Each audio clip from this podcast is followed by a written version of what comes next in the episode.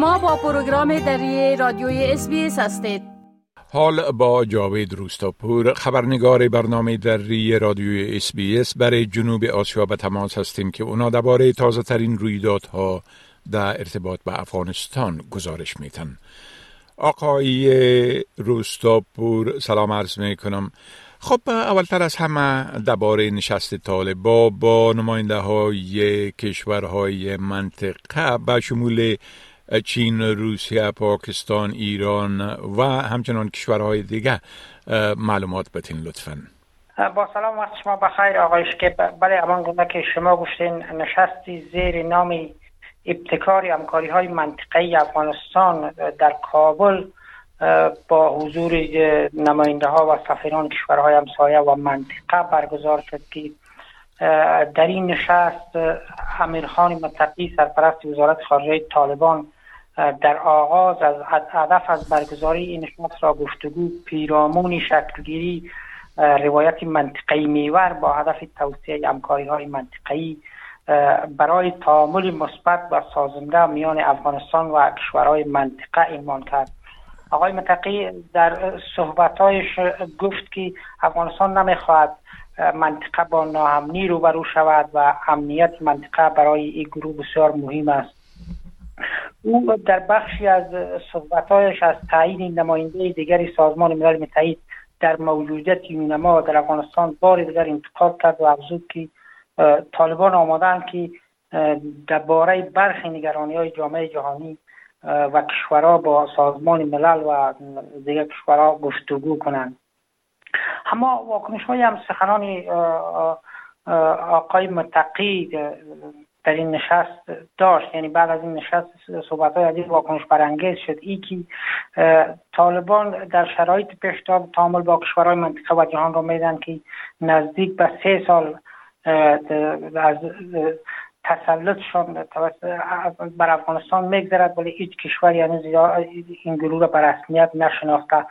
و باوری آگاهان جامعه جهانی و کشورهای منطقه حکومت طالبان را با برخورد تبعیض‌آمیز قومی و همچنان مسدود ساختن آزادی های از جمله زنان و دختران متهم کرده و میگن این گروه اگر باید با همین سیستم پیش برن حکومتشان به رسمیت شناختن نخواهد شد و این چیزی که شعار میتین بر علیه آن چیز که عمل می‌کنن بله خب طالب با شمار زندانیان موجود در افغانستان اعلام کردن و افشا ساختن. اگر لطفا در این باره یک کمی توضیحات بتین حبیب الله بدر معاون نظامی اداره امور تنظیم زندانهای طالبان در یک نشست خبری گفت که در مجموع بیش از 19 هزار نفر در افغانستان زندانی دارند شامل 800 زن می باشند و همچنان حدود 200 نفر از اعضای طالبان هم زندانی هستند. او همچنان افزود که 25 شهروند خارجی نیز به دلایل جنایی در زندانها به سر می‌برند. این مقام طالبان اما اعلام نکرد که زندانیان خارجی در افغانستان تبعی کدام کشورها هستند. اما پیش از این کابل تایید کرده بود که شماری از شهروندان آمریکایی در بازداشت طالبان هستند. معاون نظامی اداره امور زندانهای طالبان تاکید کرد که تلاش ها برای ایجاد قانون برای اصلاح قانون زندان ها و همچنان در جریان است. تا قانون اصلاح و بازنگری شد و شماری از زندانیان هم پس از اصلاح این قانون شاید از بند رها شوند. بله خب مردم شکایت دارند که طالب با شرایط بسیار سختی را برای گرفتن سیم کارت ها وضع بله.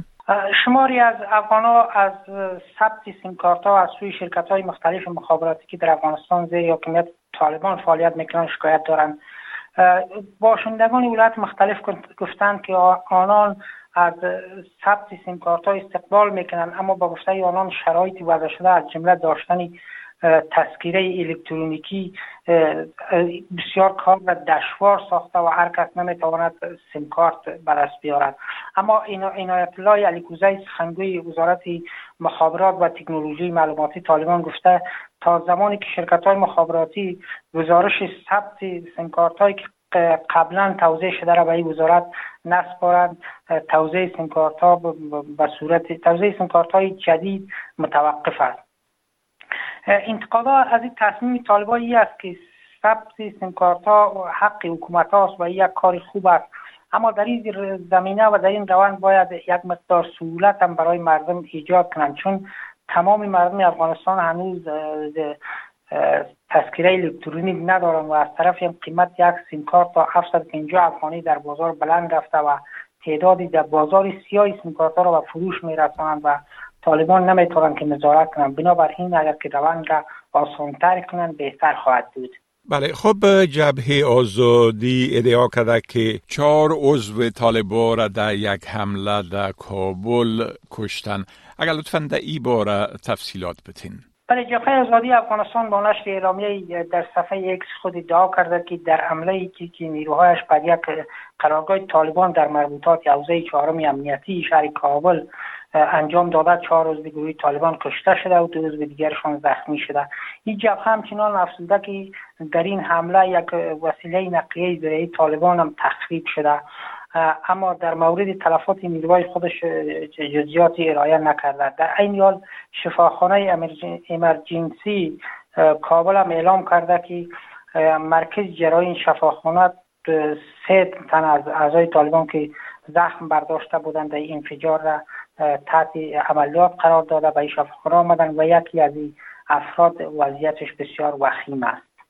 بله خب بسیار تشکر آقای روستاپور از این گزارشتان. و فعلا شما را به خدا می سپارم و وقت خوش برتان آرزو می کنم وقت شما هم خوش خدا نگهدارتان. بپسندید شریک سازید و نظر دهید. اسپیس دری را در فیسبوک تعقیب کنید.